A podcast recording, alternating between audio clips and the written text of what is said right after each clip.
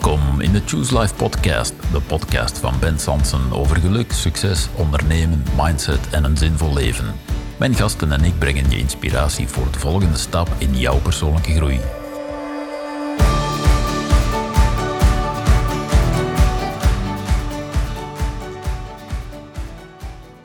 Alright, ben je al langer volger van de Choose Life podcast?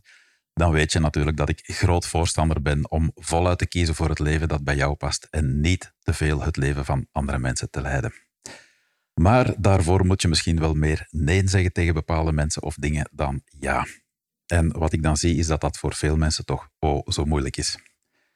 Misschien herken je als luisteraar uh, wel in dit soort uitspraak. Ik heb ja gezegd, maar eigenlijk nee gedacht. Of dat nu gaat om dat feestje, die klus bij vrienden die vraag van je baas of wat dan ook. We denken nee en we zeggen ja. En als je dat herkent bij jezelf, dan mag je nu even in de spiegel kijken of eens glimlachen van herkenbaarheid, want dat ja-woord kwam wel degelijk uit jouw mond. Herken je het niet, dan kan je natuurlijk gewoon fast forward doen naar de volgende aflevering en deze episode doorsturen aan iemand in je omgeving die daar misschien een groot cadeau mee doet. Nee zeggen, ik heb er zelf weinig last van, al vinden anderen dat soms wel eens lastig dat uh, ik het goed kan. Maar uh, daarom dacht ik, laten we eens, eens samen zitten met een echte expert en ervaringsdeskundige die er ook een tof boek rondschreef. Nele Kolle, welkom in de studio. Dank u wel. Ja. U werd door meerdere mensen aanbevolen als uh, gast die ik zeker eens moest interviewen. Dus uh, heel fijn. Tof, ja. Ja, ja, je hebt een, blijkbaar heel, een, een, heel grote fanclub. en aan jou als luisteraar wil ik je natuurlijk ook danken voor al die suggesties. Um, maar we gaan er meteen in vliegen, Nele. Ik ga een eerste vraag lanceren van een luisteraar. En die was letterlijk: waarom vinden we het toch zo moeilijk om nee te zeggen?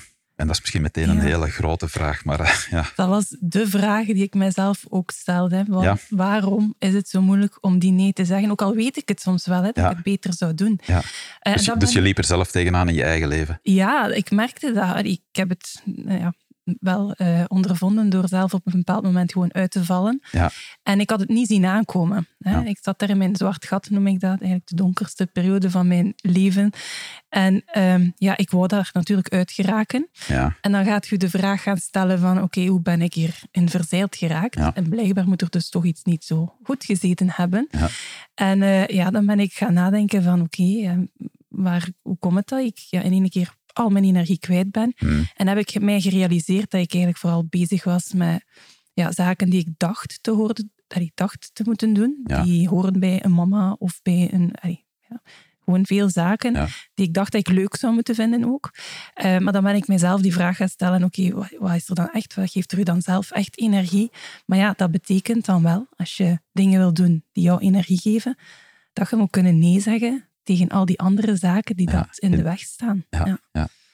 En toen dacht je, ik ga dat oplossen en dan schrijf ik er ook meteen een leuk boek over? Of hoe ging dat dan? Nou ja, eigenlijk, ik was daar vooral mee bezig. Mm. En uh, ja, ik, bij mij is het begonnen hè, met het opruimen, het wegdoen van spullen. En dat is, dat is eigenlijk het wegdoen van overbodige zaken. Hè. Uh, Echt letterlijk zaken die je niet belangrijk vindt. Ja.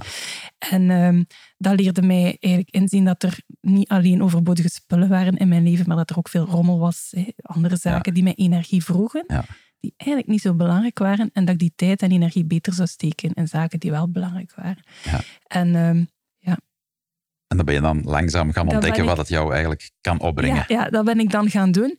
En um, ja, toen dat de vraag kwam voor een tweede boek, dacht ik, goh, dat zou misschien wel een goed thema zijn, want eigenlijk wil ik zelf gewoon weten hoe dat, dat komt.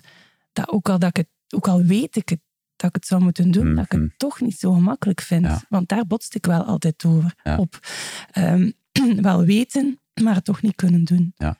En waarom zouden we wat meer nee moeten zeggen? Wat kan het ons opbrengen? Ja, vooral... Of wat heeft het jou opgebracht? vooral de tijd, de energie, de plaats om te kunnen doen wat belangrijk is. En dat zijn vaak zaken die we vaak voor ons uitschuiven. Mm. Um, maar die eigenlijk juist een belangrijke plaats zouden moeten innemen in ons leven. In mijn geval heel concreet. Um, ik weet nu dat alleen thuis zijn, dat dat voor mij iets is dat mij enorm veel energie geeft. Of uh, een keer goed gaan dansen af en toe. Hmm. Of dingen creëren, iets op poten zetten. En dat is niet iets dat gewoon leuk is, maar iets dat ik nu weet. Nee, nee, jij moet daar plaats voor voorzien. Jij moet daar ruimte geven, anders gaat je gewoon weer in dat donker gat terechtkomen. Ja, precies.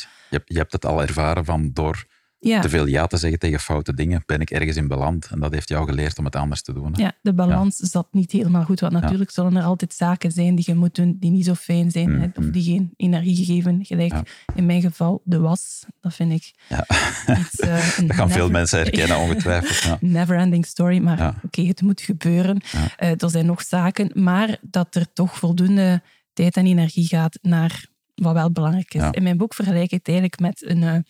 Vergelijk ik onszelf met kippen. Ik zie onszelf als kippen en we hebben allemaal ons ei te leggen. En uw ei, dat zijn uw talenten, uw interesses, uw passies. En um, dat ei, dat moet eruit. Dat zit in ons. Als we dat kunnen doen, als wij kunnen hmm. bezig zijn met wat ons energie geeft, dan voelen wij, ja, dan voelen wij ons gelukkig. Dat geeft echt enorm veel voldoening. En als je dat veel kunt doen, ja, dan ben je natuurlijk heel gelukkig. Maar als dat ei blijft zitten en Misschien zijn er luisteraars die zelf kippen hebben en ja. misschien al hebben meegemaakt. Maar als een, ei die normaal, als een kip die normaal gezien mm. eieren legt, ineens geen ei meer kan leggen omdat het vastzit, die kip gaat dood. Dus, echt? Ja. Die gaat echt dood. Dat heet legnood. Hè. Die komen er niet goed vanaf. Het is nu niet dat wij meteen doodgaan, omdat wij hè, onze hobby's niet kunnen of onze passies niet kunnen doen. Maar het zorgt wel voor onderhuidse frustratie en stress. Je bent wel langzaam aan het afsterven, als het ware. Ja, en dat had ik zelf niet door. Ik had het echt niet door, nee. En daar ben ik nu wel uh, ja, bewuster mee bezig. Ja, ja, dus je bent een stuk expert geworden, geworden liever door ervaring. we gaan dadelijk ook in op je boek. Wat zie je bij mensen vooral Waar zeggen mensen veel te veel ja tegen? Wat zijn zo de typische voorbeelden die je dan uh, ziet voorbij komen? Uh, de sociale, sociale uitnodigingen zijn vaak een moeilijke, want ik vraag dat ook vaak in mijn lezing. Oké, waar wil je graag nee tegen zeggen? Uh, natuurlijk werkdruk. daar meer mm, op het werk ook nee kunnen zeggen tegen collega's bijvoorbeeld. Ehm, maar zeker ook de familiale en sociale verplichtingen of verwachtingen. Ja. Alleen al dat we het verplichtingen noemen. Hè. We noemen het niet de familiale uitnodiging, maar meteen de verplichtingen. of verwachtingen ook wel. Hoor. Dat uh, wordt ook wel veel gezegd. Ja. Lang leven corona. Uh, ja. dan was het uh, ja. gemakkelijker. Hè? Dan kon niks. Ja, oké. Dus dat zijn de vier, of, of dat zijn de, de dingen die het meeste ziet voorbij komen. En dan, ja, zeg maar. Ja, de sociale, ja, die sociale verwachtingen vooral en de werkgerelateerde zaken. Of tegen een partner, of tegen kinderen, of tegen vrienden. Zo. Ja, nee kunnen zeggen tegen een uitnodiging. Ja, ja dat is één letter meer dan ja, maar toch een uitdaging. In je boek heb je het dan ook over vier mollen. En ik denk dat je daarmee bedoelt een soort interne saboteur waar we allemaal last van hebben. Als we inzicht hebben in die mollen, dan zijn we ook beter in staat om makkelijker nee te zeggen. Is dat een uh, juiste aanname die ik maak? Of? Wel ja, ik ben dus inderdaad gaan onderzoeken waarom dat het zo moeilijk is om die nee te zeggen. Ook al weet ik uh, dat het... Uh, beter zou zijn. Nu, ik weet ze nu wel, hè, wat het ons uh, tegenhoudt. Maar mijn grote conclusie is ook wel dat het daarom nog altijd niet echt super gemakkelijk zal zijn, omdat het gewoon in ons zit om die ja te zeggen. Ja. En, uh, maar het feit dat ik nu inzicht heb in hoe dat het gaat, of wat er gebeurt in ons hoofd als we die nee zouden willen zeggen, maar dan toch ja zeggen, ja, kan ik me wel iets beter wapenen, hè? of kan ik daar toch wel bewuster tegen in gaan. Maar het zal nooit uh, vanzelf gaan. Dat weet ik nu ook wel. Dus alle programma's die jou zeggen van, hè, voilà, het gaat zoals Quick fix en klaar. Ja, of je wilt afvallen en hup, doe dit en het gaat gelijk niks gaan. Nee, dat gaat, dat, zo, zo werkt het niet. Maar je kan wel beter worden in nee zeggen. Dat begrijp ik toch uit jouw boek ook. Ja, door die inzichten zeker wel. En er zijn wel praktische tips die je kan toepassen. Okay. Die gaan we proberen allemaal in deze podcast te doen. Wat denk je? Heel goed. Goed, ik ben blij dat je niet nee zegt trouwens. um, laten we maar gewoon letterlijk de structuur van jouw boek een stukje volgen. De, de eerste mol die benoem je als het is sterker dan mezelf. En dat heeft te maken met jouw, denk ik, oerhersenen die op zoek zijn naar onmiddellijke bevrediging. Ja, inderdaad. Ja, vertel eens. Als, ehm, ja, als het gaat voor beslissingen nemen, hè, um, kunnen we eigenlijk onze hersenen in twee delen uh, opdelen, die daar verantwoordelijk voor zijn. En ik, het ene deel noem ik de oerhersenen hmm. en het andere deel noem ik het gezond verstand. Wetenschappers zijn dan de prefrontale cortex. Ja, maar, allemaal dure woorden. Ja, voilà. Uh, maar die oerhersenen zijn heel, heel sterk. En zij, um, ja, zij zijn natuurlijk gericht op uh, die instant, die onmiddellijke bevrediging, bevrediging ook iedereen tevreden houden. Hè? Geen, niet te veel inspanning doen. Dus die willen zeker op alles ja zeggen. Uh, nu, het is ook zo, wat ik heb ontdekt, van het is sterker dan mezelf. Ze zijn sterk, die oerhersenen, maar als er stress is, als jij onder stress staat, dan, ja, zijn we eigenlijk, dan is ons gezond verstand eigenlijk niks waard. Want in uh, stresssituaties, ja, dan hebben we drie grote mogelijke reacties. Hè. Vechten, vluchten of bevriezen. En dat kan in een discussie zijn dat je gewoon bij vechten, dat je direct in de aanval teruggaat. Uh, bij vluchten kan dat zijn dat je gewoon stilletjes wegloopt. Mm. mijn man is daar goed in. Als ik zoiets wil bespreken, heeft hij plots iets nodig in de kelder. En uh, bevriezen, ja, dan kan het zijn dat je in je schulp gaat kruipen. Nu, het is zo uh, oké, op zich is dat een oké reactie van onze oerhersenen hmm. bij gevaar, hè, om deze drie opties te hebben. Je kiest daar ook niet voor, dat gebeurt gewoon. Maar nu is het zo dat we dat onze oerhersenen gewoon heel veel stress ervaren. Niet alleen door levensbedreigende situaties, hè, want als er een auto op je afkomt, is het goed dat je oerhersenen het overnemen en hè, reageren. Voilà, dat je niet even eerst gaat nadenken van goed, wat moet ik hier doen? Maar onze oerhersenen krijgen eigenlijk heel veel stress. En daar was ik mij niet zo van bewust. En dat heb ik ja, in mijn onderzoek wel, allee, heb ik toch wel een paar grote ogen getrokken. Ehm, en, en, waar is dan precies de link? Hè, dat jouw oorhersenen op zoek zijn naar die onmiddellijke bevrediging en dat je daardoor moeilijker nee kan zeggen? Ik ben even de link met stress zie ik nog niet uh, helemaal. Kan je daar ah, nog ja, even nee, ingaan? dat is eigenlijk mijn tweede mol. Mijn tweede mol is eigenlijk het feit dat, mijn, dat de oerhersenen die willen ja, nu en meteen. En die houden er niet van om iets te missen. Ah ja, precies. Die kijken ook niet in de, in de toekomst. Dus die houden niet van uitstellen of van iets te missen. En dat zorgt ervoor dat we eigenlijk ook op alles ja willen zeggen. Nee, het, het feit, de eerste mol, sterker dan jezelf, dat gaat echt over het feit dat die oerhersenen het soms gewoon overnemen van ons.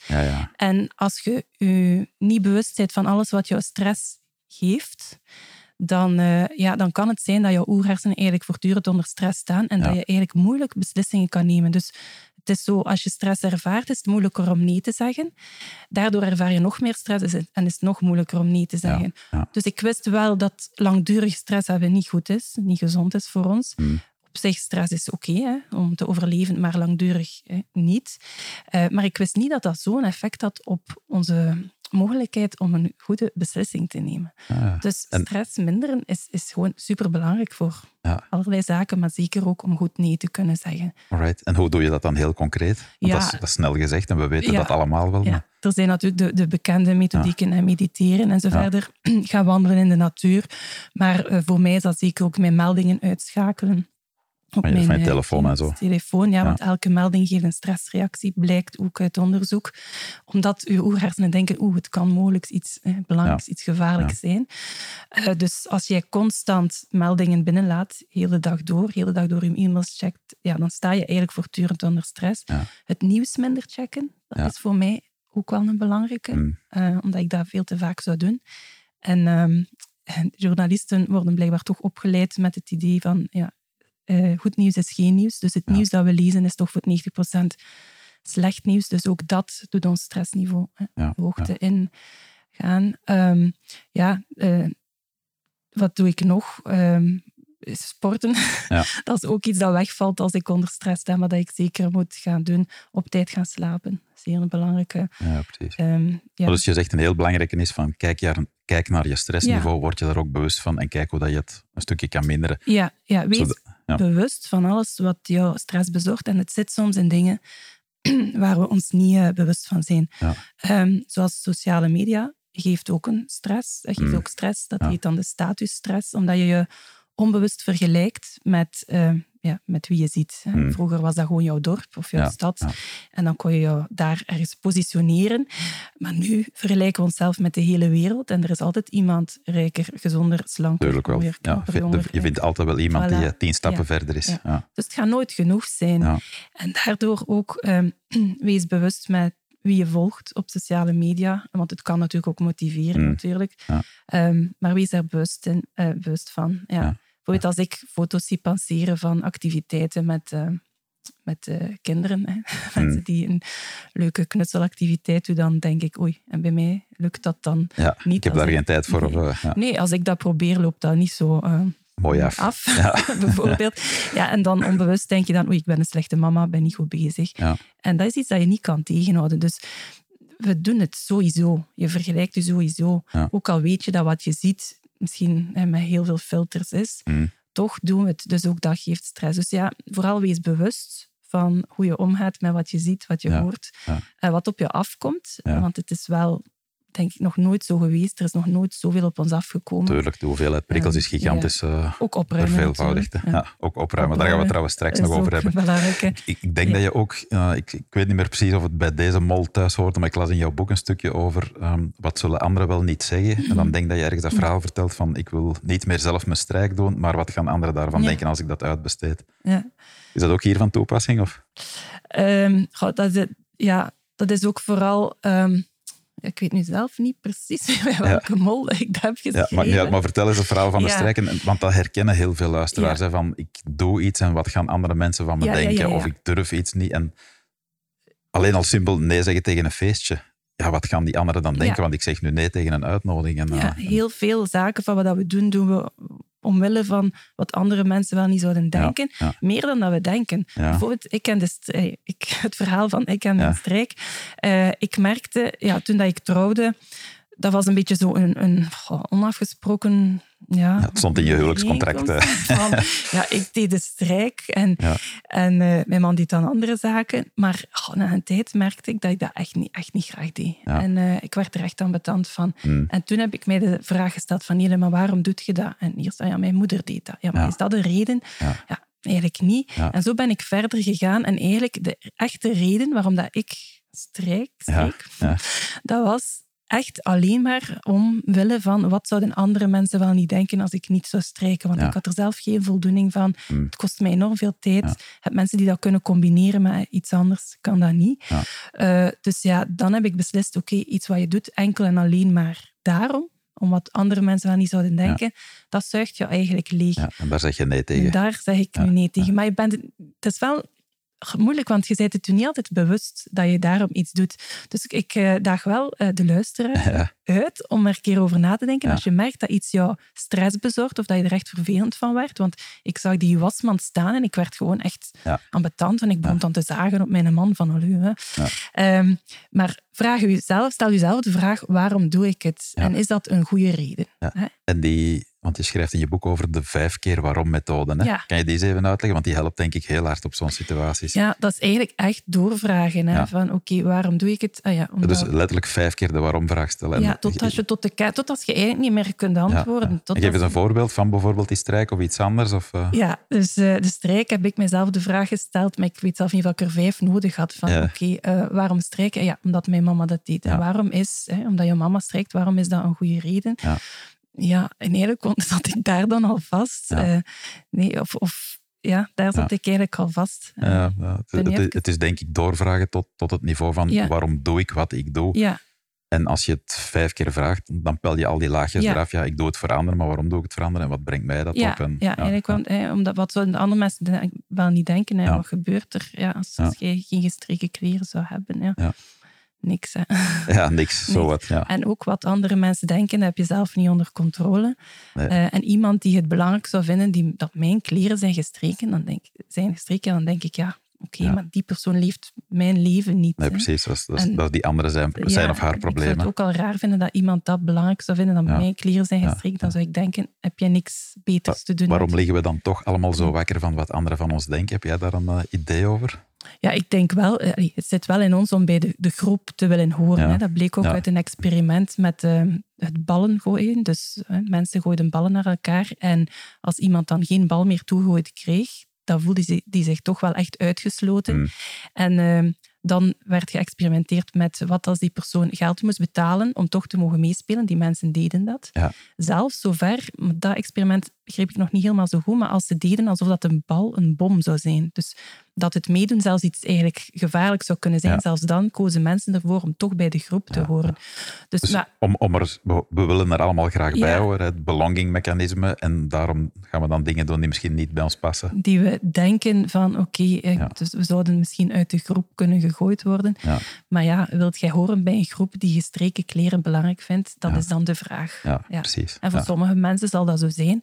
Maar voor mij, ik denk, ja, voor mij liggen mijn prioriteiten elders. Dus, ja, uh, ja. Oké, dus eerst de mol vooral met die stress aan de slag gaan en daar een stukje reduceren. Als je stress hebt, lukt het niet om uh, bewust uh, nee te nee te zeggen. Ja. Alright. En dan de tweede is de FOMO-mol, denk ik. Hè? Ja, fear of missing out voor de mensen die het niet kennen. Ja, eentje die mensen vaak onderschatten. Dat is eigenlijk het feit dat we gewoon, we kunnen het echt niet altijd op de stress steken, mm. maar dat we het gewoon zelf moeilijk hebben om nee te zeggen, omdat we niks willen missen. Ja. Ik geef dan het voorbeeld, um, ja, als ik wil afvallen, dan als je wilt afvallen, dan is het niet zo goed om croissants te eten. Of ja, dan moet je nee zeggen tegen bepaalde ja. chocolaatjes en lekkere dingen. En, ja, maar het is lekker, hè. En dan, ja, dat is moeilijk, hè. Dus onze, ja, onze oerhersenen vinden dat ook niet echt tof om iets te missen. Uh, of denken ook niet aan de toekomst. Die denken echt aan het hier, en, nu. Ja. En uh, daar moet je wel tegenin. Daar moet je letterlijk tegenin. En dat kost letterlijk energie. Dus dan ben ik me ook bewust geworden van het feit van, uh, oké okay, je bent een avondmens. Dat betekent dat je soms te laat in je bed kruipt, want ja, s morgens moet je er wel hmm. vroeg uit. En dat die slaap ook wel uh, essentieel is om nee te kunnen zeggen. Of uh, slaap, maar ook uh, eten. Hè. Als je honger hebt of je bent moe, gaat het heel moeilijk zijn om nee te zeggen. Ja, dat is wat we um, wilskrachtuitputting noemen, of ego ja, ja, in de psychologie. Van dat mechanisme van op het moment dat je moe bent en je hebt dan bijvoorbeeld die chocolaatjes voor je neus staan, ja, dan heb je niet meer de wilskracht en gaan die eraan. Ik kan de hele dag nee zeggen tegen chocolade. Ja, ja, en op het einde van de oh. dag komen we thuis en dan een lekker glas wijn of een chocolaatje. ja. Ja, ja. Ja. Je, je ziet ook mensen die ehm, heel makkelijk en heel snel keuzes maken en anderen die daar dan dagen, weken en maanden op zitten te tobben. Heeft dat daar ook iets mee te maken? Ja, je hebt de, de als we twee ruwe categorieën ja. scheiden. heb je de maximizers en de satisfizers.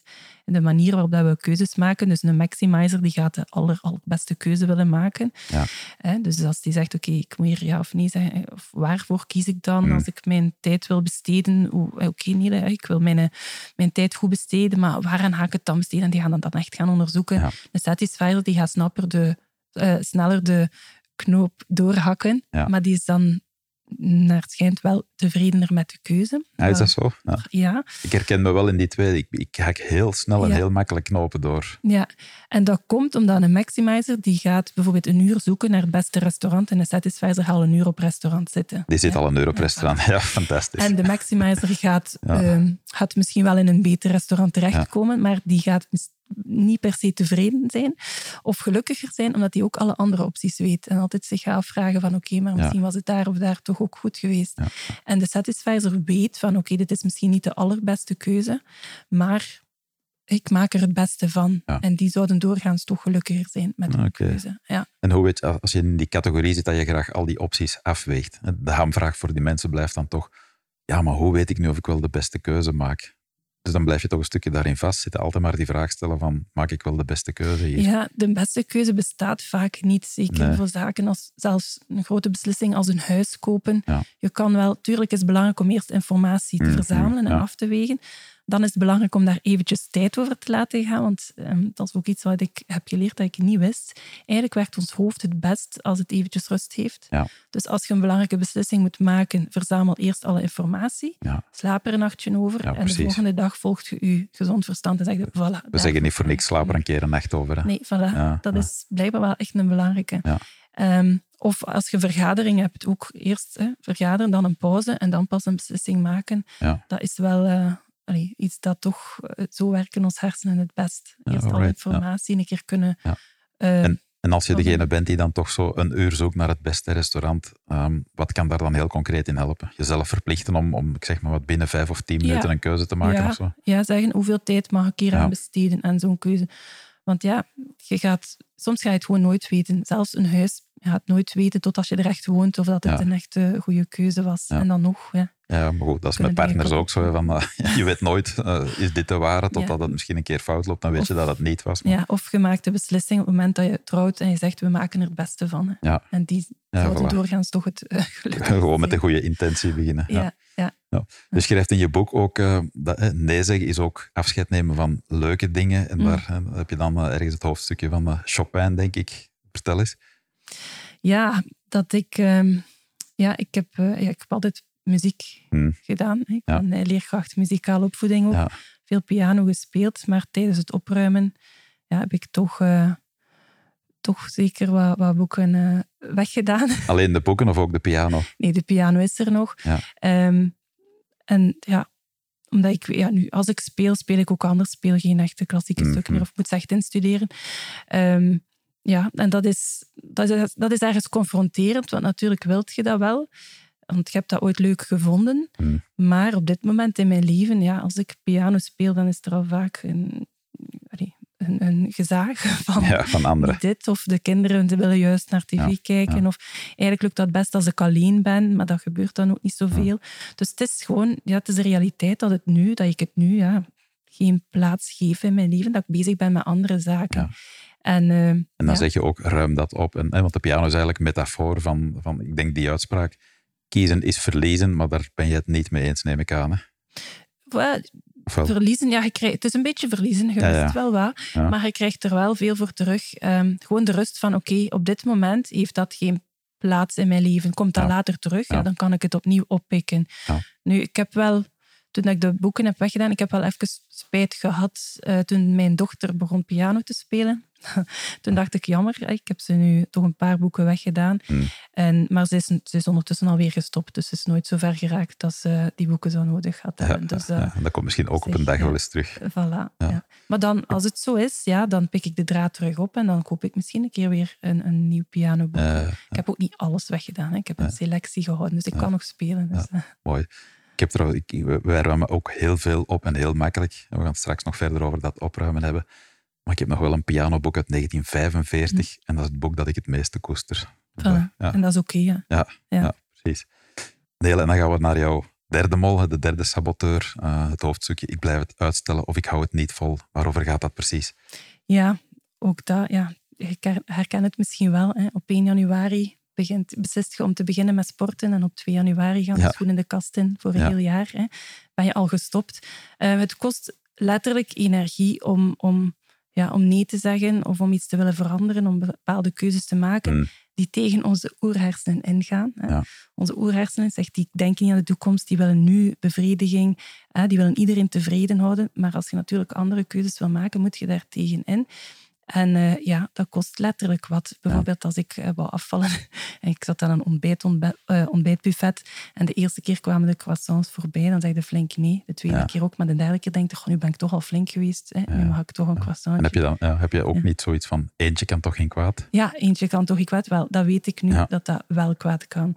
Dus om hè, dat uitstellen, om toch aan de slag te gaan om iets vervelends te doen, moeten we onszelf wel soms echt wel oppeppen. Mm. Ten eerste heb je daar energie voor nodig, dus voldoende slaap en eten. Ja. Maar consequent zijn is inderdaad een zeer belangrijke. Um, en dat wist ik niet. Ik wist dat zowel een beetje opvoedingsgewijs, maar ik wist dat niet dat dat ook te maken had met keuzes maken. Want blijkbaar is het zo dat um, als wij af en toe ja en af en toe nee zeggen, dan krijgen we een grote kick van die ja.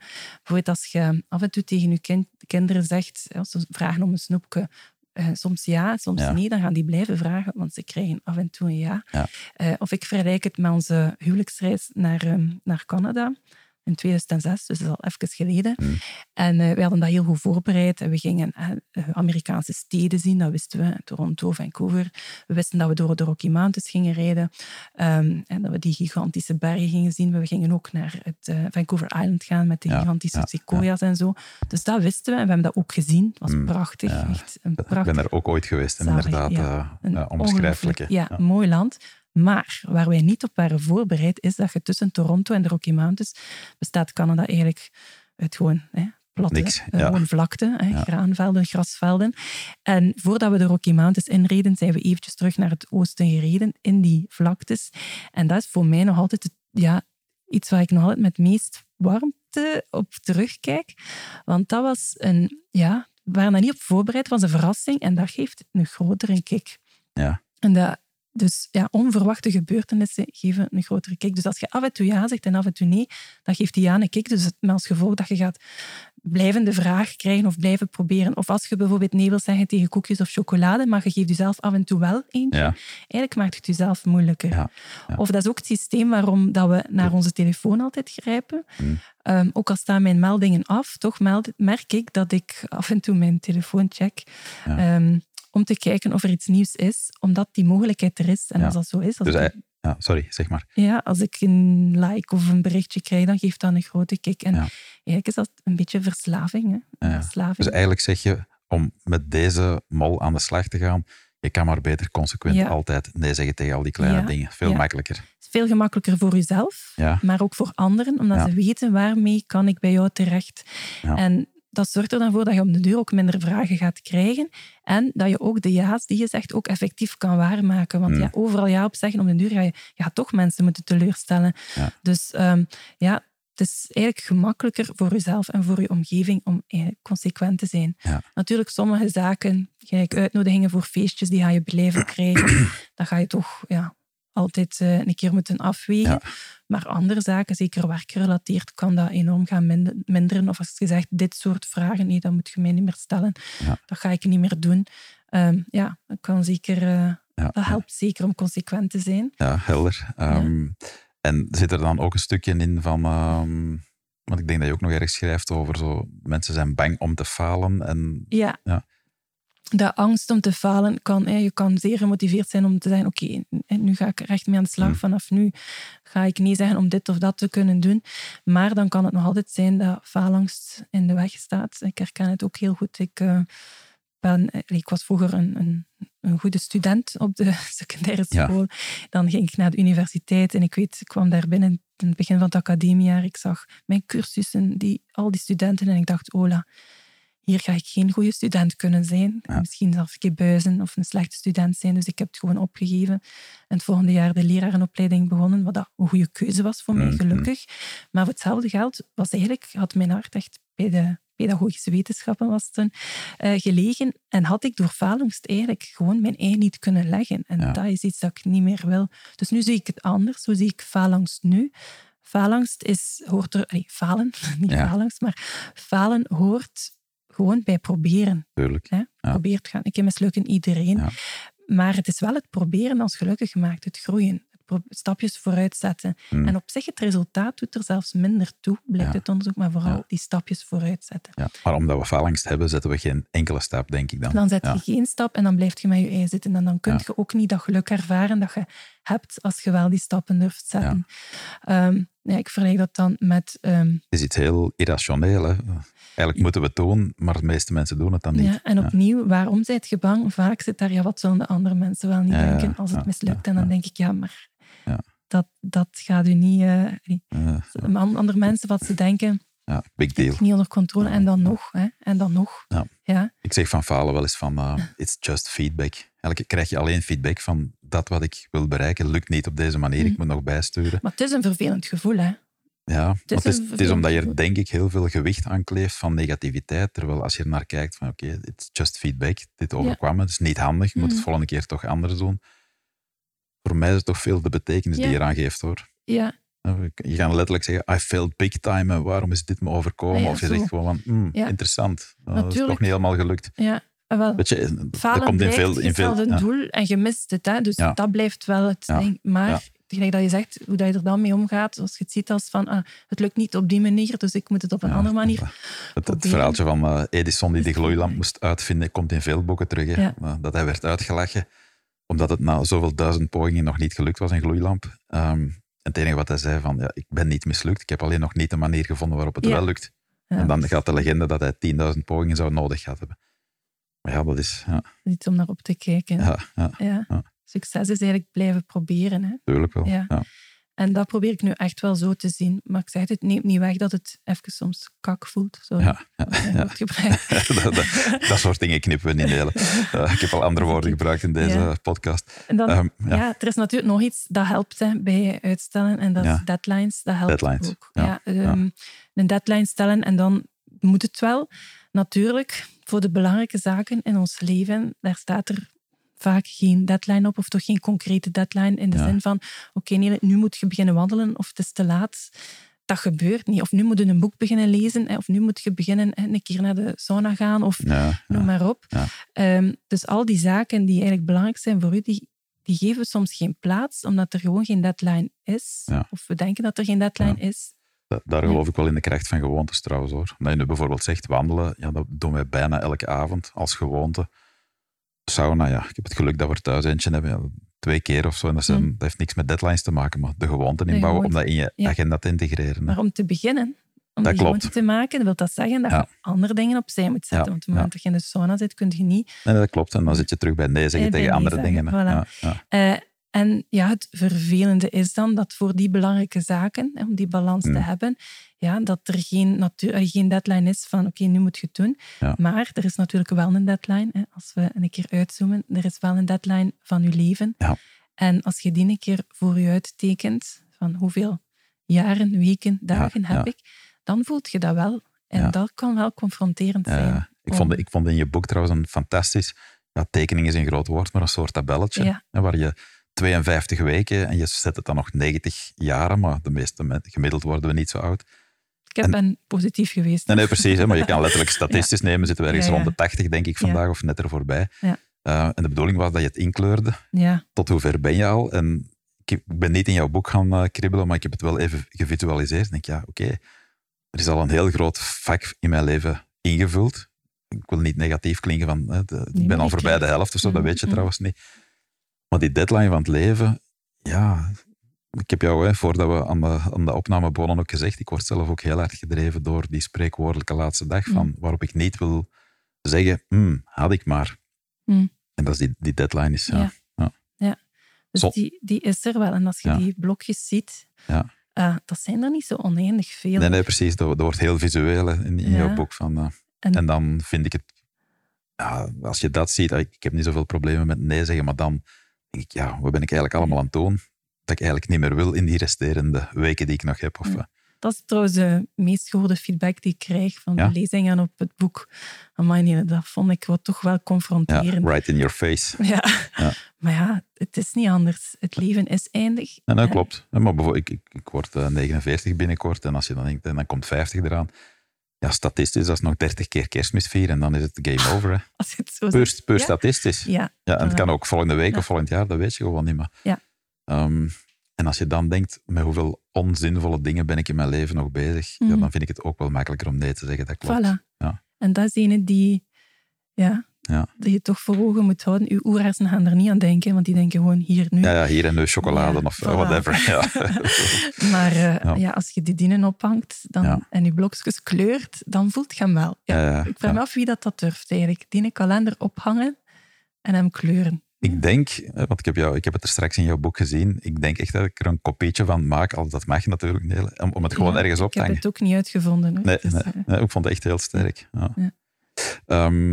Laten we nog even op die vierde mol inzoomen. Ja. Die, eh, als ik nee zeg, voel ik me schuldig. Ja, dat is eigenlijk de eerste die ook iedereen aanhaalt. Als ik vraag, Ja. wat houdt er u tegen? Ja, de reactie van anderen. Hè. Ja. Eh, de reactie van anderen. En als iemand teleurgesteld is, hè, ik, ik los de verwachtingen niet in, dan voel ik mij ook schuldig. Ja. dat zit er dan achter. Want als het ons niet zou doen, dan ja, Hmm. zou het ook wel kunnen. Eh, en dan ben ik gaan kijken, wat is schuldgevoel eigenlijk? Ja. En blijkbaar ehm, eh, ontstaat schuldgevoel omwille van twee redenen. Als je iets verkeerd doet, hè, dan ga je dat ook gaan rechtzetten door dat schuldgevoel. Of ehm, omdat je iets doet dat misschien niet verkeerd is, maar dat negatieve gevolgen heeft voor iemand. Dat kan Ja. ook schuldgevoel veroorzaken. Dus dan ben ik mij gaan vra- afvragen, is nee zeggen dan verkeerd? Ik weet nu dat nee zeggen helemaal niet verkeerd Ja. is. Integendeel, het is nodig. Hè? Denk aan de kip en het ei dat blijft zitten. Het is echt nodig ehm, om gewoon ja, om, om aan uw geluk te werken. Maar dan, terwijl ik dat aan het schrijven was en onderzoeken, dacht ik, ja, maar ja, oké, dat is allemaal goed en wel, hè, werken aan mijn eigen geluk, maar is dat niet gewoon super egoïstisch? Mm. Ja, dat hoor je ook vaak. Hè, van, Ah, ja. als, als iedereen nee zou zeggen, dan, Ja. dan zijn we allemaal egoïsten. Ja, en, ja. ja, en ook daar kan ik nu volmondig op zeggen, nee, het is niet egoïstisch, Mm. want als jij niet gelukkig bent, kun je er ook niet zijn voor een ander. Ja. Ehm, het is zeker niet egoïstisch om te werken aan je eigen geluk, want we hebben gelukkige mensen nodig. We hebben ook ieders talenten nodig. Die Ja. moeten er gewoon, ik ben gewoon super blij dat, eh, dat er mensen zijn die willen zorgen voor kleine kinderen een hele dag bijvoorbeeld. Ik ben Ja. daar echt super dankbaar voor. ja, Ik zou het niet ja, check. Voilà. Eh, of die broden bakken. Of, alles. Iedereen zijn talenten zijn nodig. Eh, en ehm, dus gewoon dat al is, is gewoon nodig. Dus het is zeker niet egoïstisch, want Mhm. anders houd je je talenten voor jezelf en kun je ze niet delen. Maar ook het feit dat jij er gelukkiger van wordt, ja, allee, toont ook aan, allee, wordt ook aangetoond dat gelukkige mensen anderen gelukkig kunnen maken. En ik bedoel met geluk niet heel de dag lachend door het leven Nee, nee, nee, gaan. precies. Ja. Maar gelukkige mensen zijn mensen die het gevoel hebben van ik heb mijn leven onder controle. Ik kan wat tegenslag aan. Dat Ja, is eigenlijk ja. de definitie van eh, gelukkige mensen. En die kunnen er ook zijn voor anderen. Als jij je niet, niet goed in je vel voelt, heel lang, hè, en Mm. je valt uit, Ja. zoals ik. Ja. Op dat moment, ja, ik wou gewoon, ik, ik wou gewoon in een wolken kruipen. Ik kon er niet zijn voor iemand. Ik kon niet luisteren, niet ik spreken met anderen. Dus Mhm. dat wilt je echt niet. Dus Dus toch wat meer voor jezelf kiezen, zodat je er meer voor anderen Ja, kan zijn. ja, eigenlijk. Hoe want- contradictorisch het ook, het, het, het ook lijkt. Ja, Ja. want het is ook zo dat eh, we door anderen te helpen natuurlijk weer zelf gelukkig worden. ja. Dus het gaat niet om er alleen, het gaat natuurlijk niet alleen over nee zeggen. Het gaat over de juiste balans. Hè. Dus eh, ik heb ook mijn boek geschreven of mijn onderzoek gedaan in de zin van als ik weet dat het beter is om nee te zeggen, hoe kan ik het dan wel doen? Hè? Dus Ja. natuurlijk zeg ik soms ja ook, Ja. want het is daardoor. Want Ja. ik wil daar ook een kanttekening bij maken. Niet alles gaat jou gelukkig maken. Als jij nee zegt tegen alles en iedereen om gewoon rijker te worden, een carrière te maken, om, om gezien te Mhm. worden, of om dure spullen te kopen of chique spullen, dat gaat je op zich niet gelukkig maken. Wil dat zeggen dat jij niet rijk mocht zijn of een carrière mocht Mm. maken? Of Ja, tuurlijk dure wel. spullen? Tuurlijk wel. Ja. Maar je gaat het, maar gelukkig, het gaat je maar gelukkig maken als je het kunt delen met anderen. Ja. En dan, dan doe je het zeker om de juiste reden. Ja. Dus, dat is, dus ik wist toen al, oké, allee, toen wist ik van nee zeggen is, is niet fout. Hè? Dus Nee. mijn schuldgevoel komt niet doordat ik iets fout doe als ik nee zeg. Waarom komt dat schuldgevoel dan wel? Oké, dan kwam ik bij mijn tweede punt van oké, schuldgevoel komt er als we iets doen wat negatieve gevolgen heeft. En ja, het is zo, als we nee zeggen, ja, dan stellen Mm. we soms mensen teleur. Ja, precies. dat is waar. Ehm, nu, eigenlijk is dat iets, en dat is eigenlijk de allermooiste les die ik geleerd heb, Mm. het hele onderzoek. Hè. Ja. Eigenlijk is schuldgevoel gewoon iets supermoois. Hè. Dat, je kunt dat ook niet tegenhouden, want ik krijg soms de vraag, nee, hoe kan ik eh, nee zeggen zonder mij schuldig te voelen? En ik zeg nu, ik hoop dat je dat nooit kunt. Ik hoop dat je je altijd schuldig blijft voelen, want dat Ja. toont dat je meeleeft met de ander. Dus de empathie. Je voelt de teleurstelling van de ander, dus jij voelt je schuldig. Hè. Mensen die dat niet hebben, geen schuldgevoel, ja, die kunnen over anderen heen lopen. Maar, ehm, hè, dus je voelt je schuldig, het is eigenlijk iets moois. Mm. Ehm, maar ja, wil dat dan zeggen dat je maar ja moet gaan zeggen? Hè? Want het voelt natuurlijk niet leuk. Ja, Hè? Dat is ja. een knagend, Ja, ambetant gevoel. En ja, dan gaan we ja zeggen om dat te verwijderen, eh, te, ja, te vermijden. Ja. Maar toen kwam ik op een zeer, eh, eigenlijk, ja, een, een, een vraag van Dirk de Wachter, die mij enorm heeft eh, geraakt, of eigenlijk voor mij veel Ja, heeft veranderd. psychiater. Ja, hè? ja. die voor mij heel veel heeft veranderd. En zijn vraag is, wat is er mis met je even een keer ja, wat minder voelen? Ja, ja, Wat is er mis met zo'n vervelend gevoel als schuldgevoel? ja. Ja, niks. Hè. Niks. Ja. Ja. Of mijn favoriete uitspraak van eh, De Mol, jaren terug. Hè. Het leven is geen ponykamp. Ja, Ja. het is zo. Hè. Het hoort erbij. Net als teleurstelling. Ja, ja, Teleurstelling met dat schuldgevoel, het hoort er gewoon bij. ja. En het mag er ook gewoon zijn. En het mag er gewoon zijn, dus je moet er niet tegen vechten. Dus ja, voel je maar schuldig. En je mocht dat ook zeggen. "Goh, Ik voel mij schuldig, maar ik ga het niet doen. Ja. het is eigenlijk iets supermoois. Ja. Ja. En een mooie manier om er naar te kijken. Ja, en doordat je er niet meer tegen moet vechten, heb je die energie. En dat maakt het dan wel Ja. gemakkelijker om die Ja. nee te zeggen. Ja. Om dat schuldgevoel er te gewoon te laten zijn. Ik weet niet hoe dat... Jij, je zegt, ik heb het gemakkelijk met nee zeggen. Maar voelde je je dan niet schuldig? Of Ehm, niet zo vaak, en ik zit er nu echt over te denken, Neel, omdat je ook zegt van, ja, dan ben je niet, misschien niet zo empathisch richting de anderen. Dat heb ik dan weer wel, denk ik, of hoop ik. Ja, Of kan je het de- sneller parkeren in de zin van, oké, maar ik hoef daar niks mee te doen. Ja, ehm, ik geloof wel heel hard in waar we het net over hadden, van als je goed voor jezelf zorgt, dat je er Mhm. ook veel meer voor die anderen kan zijn. Ja. En dat is voor mij zo belangrijk. Dat heb ik doorheen de jaren echt wel geleerd. Ik, ik ben er heel veel voor andere mensen. Letterlijk, eh, heel veel mensen komen hier met hun verhaal en eh, daar gaan we mee aan de slag. Maar ik heb echt wel geleerd van, ja, dat klinkt een beetje hè, maar dit vak is topsport. Je moet heel goed voor jezelf zorgen. Ik ga ook op tijd Mhm. slapen, ik drink nauwelijks alcohol. Mhm. Uh, ik zorg goed voor mezelf, ik zorg voor mijn energieniveau. Ook niet altijd even goed, maar dat, dat is toch iets dat ik heel doorheen de jaren echt wel heb geleerd. En door al die ja, dingen waar ik dan nee tegen zeg, ja, kan ik er nog veel meer zijn Ja. voor anderen. En dat, ja, dat Dus is eigenlijk wat mijn, mijn, mijn driving force is. Zeg En maar. daardoor voel je dat schuldgevoel eigenlijk gewoon minder, omdat je gewoon weet dat... Ja, oké. ja. Ik denk dat dat wel een gevolg kan zijn. Ja, weet je, ik, ik weet dan dat ik straks na dit gesprek, hè, straks in de auto, nog iemand kan bellen waar ik denk, ja, die heeft misschien nu wel even een hulplijntje nodig en ik bel ze en ik heb die energie nog. Weet je? Ja. Ja. Maar dan zeg ik ook tegen andere dingen nee, om, uh, om tien uur s'avonds bijvoorbeeld, want dan wil ik in mijn bed liggen. Ja, ja. maar omdat je ook weet dat het de juiste, de juiste keuze is. Hè? Ja. Ja.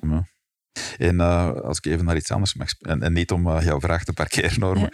Ja. Um, ik las ook ergens in jouw boek van nee zeggen is ook een vorm van zelfvertrouwen trainen. En hoe zit dat precies? Als je, ja. als je steeds meer nee zegt, dat je dan je zelfvertrouwen uh, opkrikt ja. of zo? Zelfvertrouwen is een van de basiselementen mm. ook voor hè, om je gelukkig te voelen. Um, doordat je, als je overal ja op zegt, heb je vaak het gevoel dat je wordt geleefd. Ja, tuurlijk. Doordat je nee zeggen, ja, dat kan ook ja. Nee is altijd een ja tegen iets anders. Hè. Ja. Um, maar zelf keuzes maken, beslissingen nemen, uh, geeft je het gevoel van ook zelfcontrole en het vertrouwen van, kijk, ik kan dat. En uh, dat, dat zet wel wat in gang, want dan ja. krijg je meer zelfvertrouwen om nog ja. een keer die nee te zeggen. Um, het doet wel veel, ja. Het brengt je eigenlijk in een positieve spiraal door zelf beslissingen te, neem, okay. te nemen. Ja. Okay. Um, laten we het zo uh, eens heel concreet maken. Mensen die zeggen van oké, okay, dat klinkt allemaal logisch, wat die twee mensen daar aan de micro vertellen. Hoe kan je dan, en voor mensen die het heel moeilijk vinden om nee te zeggen, hoe kan je daar in kleine stapjes dan beter in worden? Heb je zo nog enkele ja. heel concrete tips? Ja, een heel simpele. Ja. Zo, die werkt gewoon direct. Dat is ja. gewoon tijd inlassen. Als iemand iets vraagt, ik ga er even over nadenken. Maar, ja, kom er even op terug. Ik kom of daar zo. op terug, kom daar morgen op terug of volgende week. Waarom? Omdat je dan je hersenen de kans geeft, de, toch je gezond verstand, mm. om uh, zich weerbaar te maken. Ja. en dat de oerhersenen het niet overnemen. Ja. Want als die zich onder druk gezet voelen, ja, dan gaan die op alles ja zeggen. Ja. Dus dat is een hele simpele. Even tijd kopen. En heb je zo nog eentje? Of? Ja, wat ik honderd keer tegen mijzelf zeg, is hoe de ander reageert op de teleurstelling. Mm. Dat heb jij niet in de hand. Nee. Dat is iets dat je Ja. moet loslaten. Hè. Ook het feit dat je niet moet verantwoorden, Allee, tegenover je baas wel, maar tegenover vrienden, eigenlijk kan je ook gewoon zeggen, nee, ik kan niet. Je hoeft daar geen reden bij te geven. Nee, dat doen ook veel kan mensen. hè, Altijd Ja. verantwoorden waarom niet. Of, uh, ook wel nog of, of, soms. of, of, of liegen of flauwe excuses Ja, gebruiken. En, ja, ja. terwijl als je zegt, nee, ik heb geen zin, ja, niemand kan daar iets tegen inbrengen. Hè. Ja, eigenlijk, eigenlijk, het zegt ook niets over de ander. Nee, je zegt gewoon, Nee. ik heb behoefte aan dit of dat vandaag. En uh, dat past er dan toevallig niet in. Ja. En vooral ook het weten dat je je schuldig moogt voelen. Ja. Dat het echt, echt oké is. Ja, dat is ook wel, uh, wel een belangrijke. Eh, ook ja, pick your battles. Begin met, met één ding hè, en niet Ja. alles tegelijkertijd. Want je weet nu dat het echt energie kost, Ja, letterlijk. precies. Je wordt er moe van. Het Ja. zuigt energie om met je gezond verstand aan de slag te gaan. Je oerhersenen niet, die zijn er altijd. Die zijn altijd wakker. Die hebben niks nodig. Maar je gezond verstand wel. En ja, dat je dus wel eh, er energie voor nodig hebt. Ja, ja. Eh, Dus, dus gewoon oefenen in veel kleine stapjes. ja, ja. eh, begin en- met en- iets simpels. En niet de moeilijkste gevechten meteen aangaan, maar de, de kleine dingen waar het wel kan. En je zult merken dat die dan minderen, de vragen minderen. Zodat Mm. je dan wel... En ook ondertussen dat zelfvertrouwen opbouwt om eh, die volgende stappen te zetten. Ja. ja Alright. zeker. Nele, ik wil met jou graag nog heel even inzoomen, hè, want je, je schrijft boeken, maar je bent tegelijk ook nog opruimcoach. Hè. Je bent hier daar straks binnengekomen. Ik heb geen extra moeite gedaan om het vandaag goed op te ruimen, maar je mag eerlijk antwoorden van, eh, vond je het hier opgeruimd genoeg of net niet? Of, Ja, eh, ja, zeker wel. ja, oké. yes. Dat is ook voor iedereen verschillend hoor, eh, Ja. opgeruimd is. Ja, ja. Ehm, ja, want nee zeggen tegen dingen brengt je veel rust, maar de boel voor jezelf opgeruimd houden, letterlijk dan, fysiek, je omgeving, je woonkamer, je kantoor, noem maar op, brengt ook veel rust. Hè? Ja, zeker. Ja. Ja. Dat zijn Wat, zeg je, wat, wat, wat doe je dan ook als opruimcoach, jouw andere activiteiten, zeg maar? ja, letterlijk opruimen. De boel op orde. de boel opruimen ja, bij ja. mensen thuis, maar ook ja, in bedrijven, organisaties. Eh, ook digitale chaos, hè, die gaan we ook wel aanpakken. En de administratie, dus die gaan wij ook aanpakken. Ja, Ja. En wat doe je dan precies? Letterlijk kijken van waar zit er chaos en hoe brengen we dat Ja, orde? opruimen is, deel, is enerzijds selecteren, afstand doen van spullen en organiseren. Hmm. Ja. Dus wij gaan samen met de mensen aan de slag eh, om te kijken wat blijft er en wat gaat er weg. Wij nemen natuurlijk die beslissing niet, Hmm. maar we zijn wel degene die de, De kritische vragen. Voilà, Ja. exact, die de vragen Ja. stellen. En het feit dat er gewoon iemand bij is die objectief is, eh, doet jezelf ook al een keer objectief naar je spullen kijken. Ja. Nu, dat kan zijn dat je dat kunt doen met een vriendin of met je partner, maar in veel gevallen is dat juist moeilijk om dat te doen met iemand die je kent, Ja. omdat die ja, niet kijkt altijd emotioneel naar een Ja, hoop objecten, voilà. Of Ja. die gaan je juist tegenhouden of juist te, te rap willen gaan. Hè. Want het is toch belangrijk dat je het kan doen op je, op je tempo. Want als je te snel doet, dan ga je soms dingen wegdoen waar je inderdaad een spijt van hebt. Dus, ja. uh, dus het is letterlijk op de zolders, uh, in de kelders, door de kasten in de keukens, uh, ja. door de papieren, de mappen in orde brengen, de mailbox in orde brengen. Um, en soms kan dat snel gaan, soms duurt dat wat langer.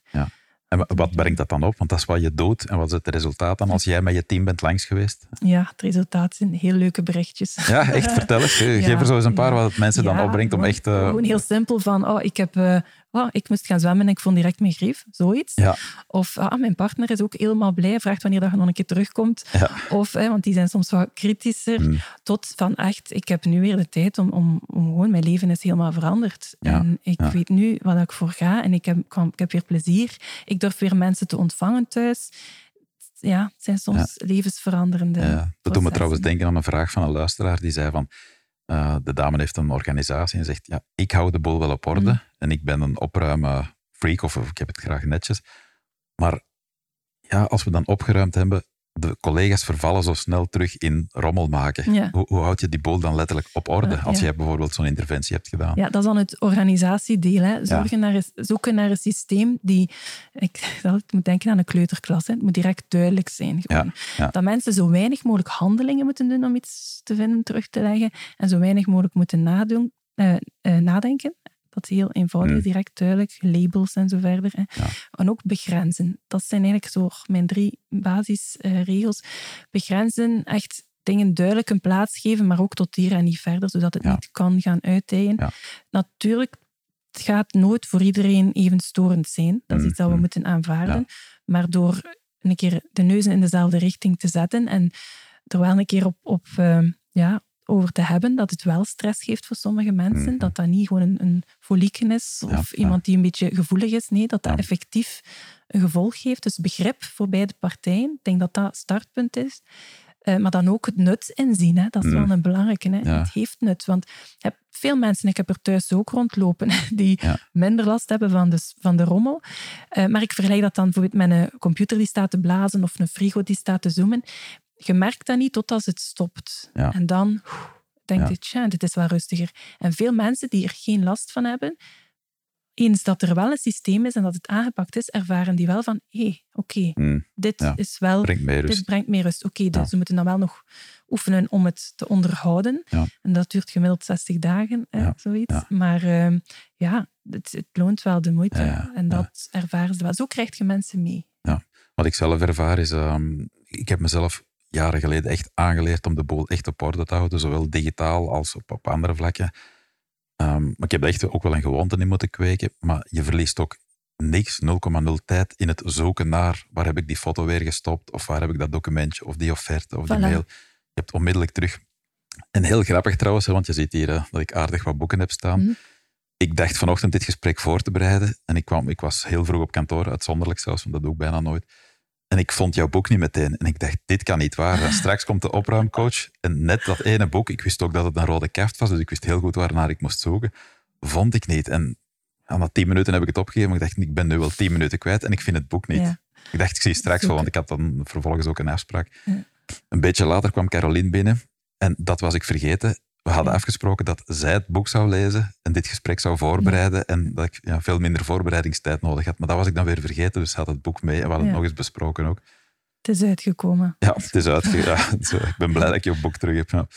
Ehm, dus die werkcontext, hè, zo, Ja, zoeken naar... Ja. Och, dat vind ik echt verloren tijd. Ja. Daar, daar word ik wel ambetant van, Ja. als ik iets moet zoeken. Dat, eigenlijk weiger ik dat. Tuurlijk, ja. En weet je, dat is dan één boek dat je even niet vindt, maar heel veel handelingen zijn repetitief. Waar heb ik weer dat document? En dat is Ja. altijd seconde, Ja. minuut. En als je dat optelt, Ja. je bent gigantisch veel tijd kwijt, er denk zijn ik. wel sommige mensen die het minder in zich hebben, of door ADHD of autisme er moeilijker toe komen om zelf een structuur op te zetten. En eh, die mensen zijn vaak heel dankbaar dat er nu iets is. Ja. dat kan zijn dat je achteraf nog iets moet bijsturen, maar dan is dan een keer hè, wat mapjes of een mandje verplaatsen. Maar dan werkt het wel. Ja. Want kan je mensen trouwens makkelijk overtuigen om dan toch te gaan opruimen? In veel gezinnen en organisaties is dat de eeuwige discussie. De ene wil dat wel, de andere niet, zoals je net zegt. Ja, ja. Op kantoor net hetzelfde. En, en dan kom jij binnen en moet je mensen gaan overtuigen van Ja, het nut. Normaal gezien, daar heb ik dan het geluk bij. Mensen die mij contacteren zijn op een punt gekomen. Die Dat het genoeg is geweest. Ja, die hebben een lezing meegemaakt of eh, ze zijn er al even mee bezig. Ze hebben het al eerst zelf eens geprobeerd, lopen dan toch vast. Mm. Eh, dus op het moment dat ik kom, is er toch minstens één iemand Ja, ja die het zegt van, dit is de moeite om een keer even wat tijd in te investeren, zodat we daarna er de vruchten van plukken. Ja. Maar het, het komt regelmatig voor dat de partner inderdaad kritisch is. Maar in de meeste gevallen is die dan daarna echt wel bijgedraaid, omdat ze denken, wat komt een opruimcoach doen? Die gaat hier gewoon ons schrift weggooien. Ja, ja, of, precies. Of, Ja, eh, ja. eh, En wij hebben toch geen coach nodig voor zoiets, of, dat doen we eh, zelf wel. of netjes leggen, maar het gaat mij echt niet om het, allee, dat je, je, je tassen, je koffietassen met de oortjes naar dezelfde kant gaan staan. Dat is bij mij ook niet zo. Hè. Het gaat mij echt om iets wat haalbaar is en overzicht. En in, de, in veel gevallen draaien die echt wel bij. Omdat ze echt wel merken, zeker als je gemeenschappelijke ruimtes gaat aanpakken, Hmm. of, of kleerkasten, dat is iets waar je meteen de vruchten van plukt, dat Ja. het toch wel handig is. Of eh, het zijn toch doorgaans de, de mama's of de vrouwen Ja. die contact opnemen. Zeker niet altijd. Hè. Soms is het zeker ook Hmm. een, een, een papa of, of gewoon een man die inziet van Ja. ik heb last van mijn eigen eh, slordigheid of chaos. Ehm, ja, dat eh, bijvoorbeeld de papa's dan blij zijn dat ze bijvoorbeeld ook kun, echt kunnen helpen in het huishouden. Ja. Want bijvoorbeeld de vaat was legen. Hè. Iedereen wil dat dat een gedeelde taak is. Maar als er altijd een commentaar komt dat het niet, niet goed gedaan is, Mm. dat het niet op de juiste plaats is, dat is niet fijn. Nee. Dus, en als er dan een duidelijk systeem is en ze weten, oké, als ik het nu doe, gaat het ook gewoon goed zijn. Ja, ja. We hebben een gedeeld systeem. Dat voelt veel, Ja, heel ja. anders. Hè? En Ja. niet dat dat nog altijd vanzelf gaat gaan of zo, maar het feit dat je taken dan echt kan gaan delegeren, zorgt ook voor enorm veel rust. Mhm. Want dat is En- moeilijk als ja, er geen ja. systeem is. En wat dan met de mensen die zeggen, in mijn chaos vind ik toch ook altijd Ja. alles wat ik eh, nodig ja, heb. dat is oké. Dat Ja. is goed. En Ja. die hoeven mij, als zij er geen last van ondervinden, hoeven Ja. zij ook mij niet in te schakelen. Het gaat echt enkel om het feit dat je voelt van ik heb er last van. Nu, ik zie dat ook wel, dat die mensen tijd verliezen en zo. Maar Ja, als zij daar geen problemen mee hebben, of als uw huis vol staat, of je zolder staat vol en je hebt er echt geen last van, ja, dan hoef je echt niet op te ruimen. Maar eh, ik, eh, ik zie wel wat gevolgen. Er zijn mensen die bijvoorbeeld niet kunnen verhuizen of niet kunnen verbouwen door de rommel of Ja, gewoon ja, rust grappig. Ja, ik kan me nauwelijks voorstellen. Mijn eh, vrouw doet het trouwens nog beter dan ik zelf. En dan, ik denk dat eh, op kantoor toch ook anders dan thuis. Ehm, ik heb het hier heel graag, heel, Ja, ik bedoel heel, Ziet? Ja. ik heb het hier graag heel goed op orde bedoel ik. En thuis ook redelijk, maar mijn vrouw heeft nog, nog graag Nog meer, meer. ja, rust ja, nodig. Ja. het is ergens een middenweg vinden in wat haalbaar is. hè. Dat, dat lukt ook wel bij ons. Ja. Alright. Nele, ehm, time is ticking. Dat is ongelooflijk hoe snel een uurtje erop zit. En ik wil toch altijd aan dat uurtje Ja. vasthouden. Dus we zijn bijna aan het einde. Ehm, en niet alleen van deze podcast, maar ook aan het einde van het jaar. Eh, Het jaar zit er weer bijna op. Heb jij nog plannen voor de kerstvakantie eh, binnenkort? Plannen een beetje opruimen natuurlijk. Ja, ja. en eh, een keer naar de Efteling gaan. Ja, met de eh, kinderen. kinderen ja. Ja, mooi. Eentje die daar toch eh, enorm naar uitkijkt, want het is al een jaar uitgesteld. Dus, Ah ja, op die manier. ja, dus dat staat vast. En kerst en nieuw vieren, maar wij houden het meestal echt wel bewust. Ook kalm en Ja. rustig, net als de weekends. Wij proberen Ja, dat echt niet vol te plannen, hè, omdat Ja. dat dan meer stress geeft. En dat we dan moeilijker ja of nee kunnen zeggen. Ja, precies. En heb je plannen voor het nieuwe jaar? Zit er nog een derde boek in de pipeline of zo bijvoorbeeld? Eh, ja, ik krijg die vraag nu af en toe. En Ja. ik, ja, als er een goed idee is, dan... Want het is wel leuk om je zo echt te verdiepen in een onderwerp. Dan Ja. eh, sta ik daar zeker voor open. Ja. Het hangt natuurlijk af van de uitgeverij ook. Hè, of Ja. zij er, eh, Ja, ja precies. Maar Ja. dat schuldgevoel is iets dat mij nog enorm triggert om daar nog verder op in te gaan. Ja. Ehm, ja. Right. Maar dit boek hè, waar we het vandaag over hebben, is, is sowieso al een heel leuke. Misschien ook nog voor onder de kerstboom. kerstboom. Als luisteraars Yes. nog geen, eh, geen cadeautje hebben. Hè. De titel eh, Je krijgt zoveel meer ja als je nee kan zeggen. Dat is jouw boek en het is uitgegeven bij Borgerhoff en Lambrechtse. Kopen mensen het gewoon bij bol.com of toch via jouw persoonlijke website uh, nelekolle.be? ja, het mag via mij en Ja. dan zet ik er een eh, boodschap in. Ja. Maar het mag zeker ook via de bekende kanalen. Dan krijg je het ja, vaker iets sneller geleverd, want ik moet het zelf naar de post brengen. ja, precies. Dus, eh, maar Ja, het oké. Ja. Dat is goed. Ik, ik zet de link ook naar, in de Ja. show notes, de link naar jouw website en het boek. Ehm, dus dat komt allemaal in orde.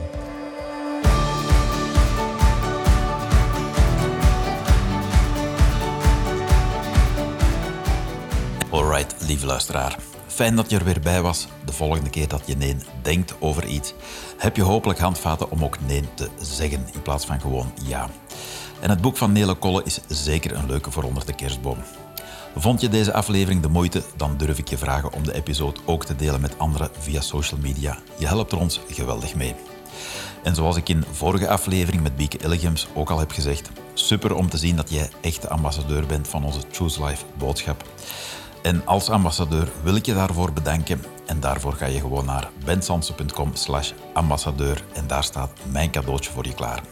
Het online programma Mediteren in Maatpak dat je meteen meer rust in je hoofd bezorgt. Normaal kost het 97 euro, maar jij krijgt het helemaal gratis omdat je deel uitmaakt van onze community. bensansen.com slash ambassadeur dus.